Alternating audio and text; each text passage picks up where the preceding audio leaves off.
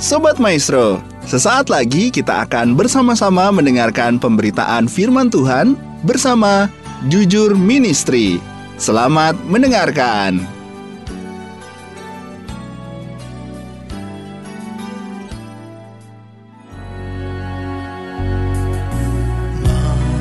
Mataku tertuju padamu Segenap hidupku Ku serahkan padamu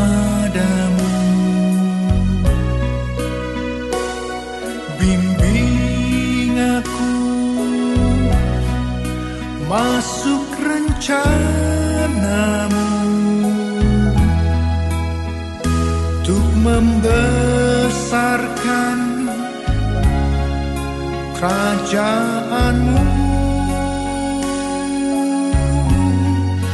Ku mau mengikuti kehendakmu ya Bapa. Ku mau selalu menyenangkan Shalom Sobat Maestro, jumpa kembali dengan saya Pendeta Thomas Lukiman dari Jujur Ministry. Visi dan misi dari Jujur Ministry adalah visinya melayani dengan kasih sesuai dengan perintah kerajaan Allah, menjadi perpanjangan tangan Tuhan bagi orang miskin, sesuai dengan ayat firman Tuhan yang terdapat dalam Galatia pasal yang kedua ayat yang ke-10, dalam Yohanes pasal yang ke-6 ayat yang ke-11, dan dalam Matius pasal yang ke-25 ayat yang ke-35 sampai ke-40. Misinya membantu mensejahterakan masyarakat yang miskin, membangkitkan empati bagi orang tua dan anak-anak muda yang memiliki gaya hidup berbagi dan memiliki hati yang berkemurahan. Baik sebelum kita akan mendengarkan perenungan firman Tuhan, kita akan memulainya di dalam doa. Bapa di dalam nama Tuhan Yesus kami mengucap syukur bila hari ini kami boleh menerima segala kebaikan-Mu dan anugerah-Mu yang berlimpah-limpah di dalam kehidupan setiap kami.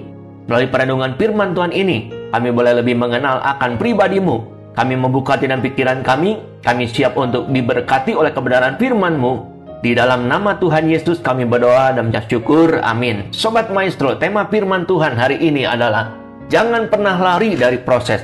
Semua orang tidak suka dengan yang namanya proses. Kalau boleh di dalam hidup ini tidak ada yang namanya proses. Karena semua orang tidak mau melewati dan mengalami proses. Hidupnya ingin baik-baik saja, hidupnya ingin lancar-lancar saja, suka tidak suka, atau mau tidak mau, kita harus melewati dan mengalami proses dalam hidup ini. Kenapa? Karena proses adalah batu loncatan untuk mengalami peningkatan di dalam segala hal, yaitu untuk naik tingkat ke tingkat yang lebih tinggi lagi. Kalau kita lari dari proses, maka prosesnya akan mengejar ke mana pun kita pergi. Entah kita mau lari keluar kota, keluar pulau, bahkan keluar negeri sekalipun, kalau kita belum lulus dari proses, maka kita akan bertemu lagi dengan proses yang sama sampai kita bisa melewatinya dan menang terhadap proses tersebut. Kenapa kita harus mengalami proses dalam hidup ini? Apa maksud dan tujuan Tuhan di balik proses? Yang pertama, kita lihat dalam Ibrani pasal yang ke-12 ayat yang ke-5 sampai ke-8 dan sudah lupakah kamu akan nasihat yang berbicara kepada kamu seperti kepada anak-anak. Hai anakku, janganlah anggap enteng didikan Tuhan dan janganlah putus asa apabila engkau diperingatkannya, karena Tuhan menghajar orang yang dikasihinya, dan ia menyesa orang yang diakuinya sebagai anak. Jika kamu harus menanggung ganjaran, Allah memperlakukan kamu seperti anak. Di manakah terdapat anak yang tidak dihajar oleh ayahnya? Tetapi jikalau kamu bebas dari ganjaran yang harus diderita setiap orang, maka kamu bukanlah anak, tetapi anak-anak gampang. Yang pertama, Tuhan sedang mendidik dan melatih kerohanian kita. Jangan meremehkan ajaran Tuhan, jangan menyepelekan ajaran Tuhan. Jangan sampai tidak meresponinya dengan sikap yang positif. Kalau kita sedang diajar Tuhan, firman Tuhan katakan jangan putus asa, tetap semangat, tetap antusias, tetap bergairah di dalam Tuhan. Seorang ayah tidak mungkin memukul atau menghajar atau menghukum anaknya tanpa alasan pasti ada alasannya, ada maksudnya.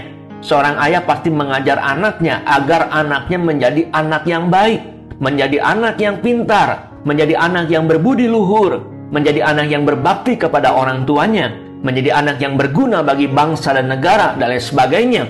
Jika anak tidak dididik atau diajar, maka dikatakan bukanlah anak, tapi anak-anak gampang.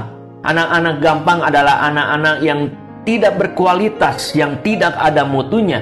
Anak-anak yang gampang putus asa, gampang frustasi, gampang kecewa, gampang sakit hati, gampang dendam, gampang kepahitan, gampang tersinggung, gampang marah, dan lain sebagainya. Melalui proseslah Tuhan mendidik dan melatih kita supaya kekristenan kita akan semakin berkualitas, semakin teruji, semakin bermutu. Kapasitas kerohanian kita semakin bertambah besar dan semakin kuat. Mentalitas kita akan menjadi mentalitas pemenang yang lebih daripada pemenang. Hal yang kedua, kenapa kita harus mengalami proses dalam hidup ini. Apa maksud dan tujuan Tuhan di balik proses? Di dalam Yesaya pasal yang ke-48 ayat yang ke-10, sesungguhnya aku telah memurnikan engkau, namun bukan seperti perak, tetapi aku telah menguji engkau dalam dapur kesengsaraan. Yang kedua adalah Tuhan ingin memurnikan hidup kita. Memurnikan sama dengan membersihkan dan menjernihkan. Melalui proses, apakah iman percaya kita kepada Yesus makin tetap kuat dan teguh atau sudah mulai goyah, bimbang dan ragu, imannya mulai sudah luntur. Saya mau katakan, justru melalui proses iman kita sedang ditempa menjadi kuat, iman kita menjadi kokoh, dan iman kita menjadi teguh. Melalui proses apakah kita masih tetap setia kepada Tuhan atau kita sudah mulai mengatur langkah kita mundur secara teratur dari Tuhan atau semangatnya sudah mulai pudar. Saya mau katakan justru melalui proses kesetiaan kita semakin teruji, kasih kita kepada Tuhan semakin murni dan tulus. Iman dan kesetiaan kita lah yang senantiasa Tuhan akan uji melalui proses dalam hidup kita. Hal yang ketiga, kenapa kita harus mengalami proses dalam hidup ini? Apa maksud dan tujuan Tuhan di balik proses? Di dalam Ayub pasal yang ke-42 ayat yang kelima dan keenam, hanya dari kata orang saja aku mendengar tentang engkau, tetapi sekarang mataku sendiri memandang engkau. Oleh sebab itu aku mencabut perkataanku dan dengan menyesal aku duduk dalam debu dan abu. Yang ketiga adalah agar kita lebih mengenal pribadi Tuhan. Dalam ayat ini menyatakan dari kata orang saja Ayub mendengar tentang Allah. Artinya, Ayub sendiri belum mengenal siapa Tuhan yang dia sembah, yang dia sanjung, yang dia puja. Berarti Ayub belum mengalami perjumpaan dengan Tuhan secara pribadi. Dengan kata lain, belum mengalami Tuhan secara pribadi. Oleh karena itu Ayub harus mengalami proses agar Ayub dapat mengenal Tuhan secara pribadi dengan kematian ke-10 anaknya yang sangat tragis ketika mereka sedang berpesta datanglah angin besar yang meruntuhkan rumah itu menimbun ke-10 anaknya Ayub. Seluruh ternak Ayub dirampas atau dirampok oleh kawanan perampok dan bujang-bujangnya pun ikut binasa saat mempertahankan ternak tuannya. Tidak sampai di situ saja, Ayub harus mengalami sakit bara yang busuk dari kepala sampai telapak kaki, harus digaruk dengan pecahan beling. Baru setelah Ayub melalui proses Ayub katakan, hanya kata orang saja aku mendengar tentang engkau, tetapi sekarang mataku sendiri memandang engkau. Seperti halnya demikian dengan kita, hanya melalui kesaksian orang saja kita mendengar bahwa Tuhan itu baik, bahwa Tuhan itu maha kuasa, bahwa Tuhan itu penyembuh, Tuhan itu ajaib, Tuhan itu luar biasa. Tapi kita sendiri tidak mengalaminya. Ada orang bersaksi bahwa hidupnya diberkati oleh Tuhan, tetapi kok saya enggak ya? Ada orang lain yang mengalami kesembuhan, tapi kok saya enggak ya mengalami kesembuhan?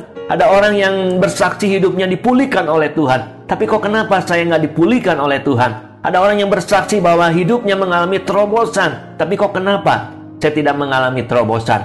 Melalui proseslah kita akan mengenal siapakah Tuhan yang kita sembah. Melalui proseslah kita akan mengenal pribadi Tuhan. Maka hidup kita dipulihkan oleh Tuhan. Hidup kita diberkati oleh Tuhan. Hidup kita mengalami terobosan demi terobosan di dalam kehidupan kita. Sobat Maestro, demikianlah perenungan firman Tuhan pada hari ini. Dan saya akan akhiri perenungan firman Tuhan hari ini di dalam doa. Bapak terima kasih bila hari ini kami boleh mendengar kebenaran firman Tuhan yang menuntun hidup kami saat menghadapi dan menjalani realita kehidupan ini. Bagaimana sikap hidup kami yang harus melewati proses di mana Tuhan sedang mendidik dan melatih kerohanian kami menjadi anak-anak Tuhan yang militan, yang berkualitas, yang teruji dan bermutu. Yang terlebih adalah memiliki mentalitas pemenang yang lebih daripada pemenang. Tuhan juga sedang memurnikan ke setiap kehidupan kami agar kami lebih mengenal pribadi Tuhan, mengalami perjumpaan secara pribadi dengan Tuhan. Materaikan firman-Mu ini di dalam hati kami agar kami dapat melakukannya dan menjadi pelaku-pelaku firman Tuhan yang hidup. Di dalam nama Tuhan Yesus kami berdoa dan mengucap syukur. Amin. Saya Pendeta Thomas Lukiman mengucapkan terima kasih dan Tuhan Yesus memberkati kita semua. Shalom.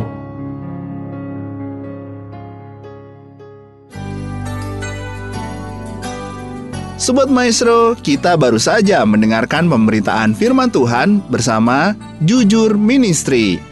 Terima kasih atas kebersamaan Anda. Tuhan Yesus memberkati.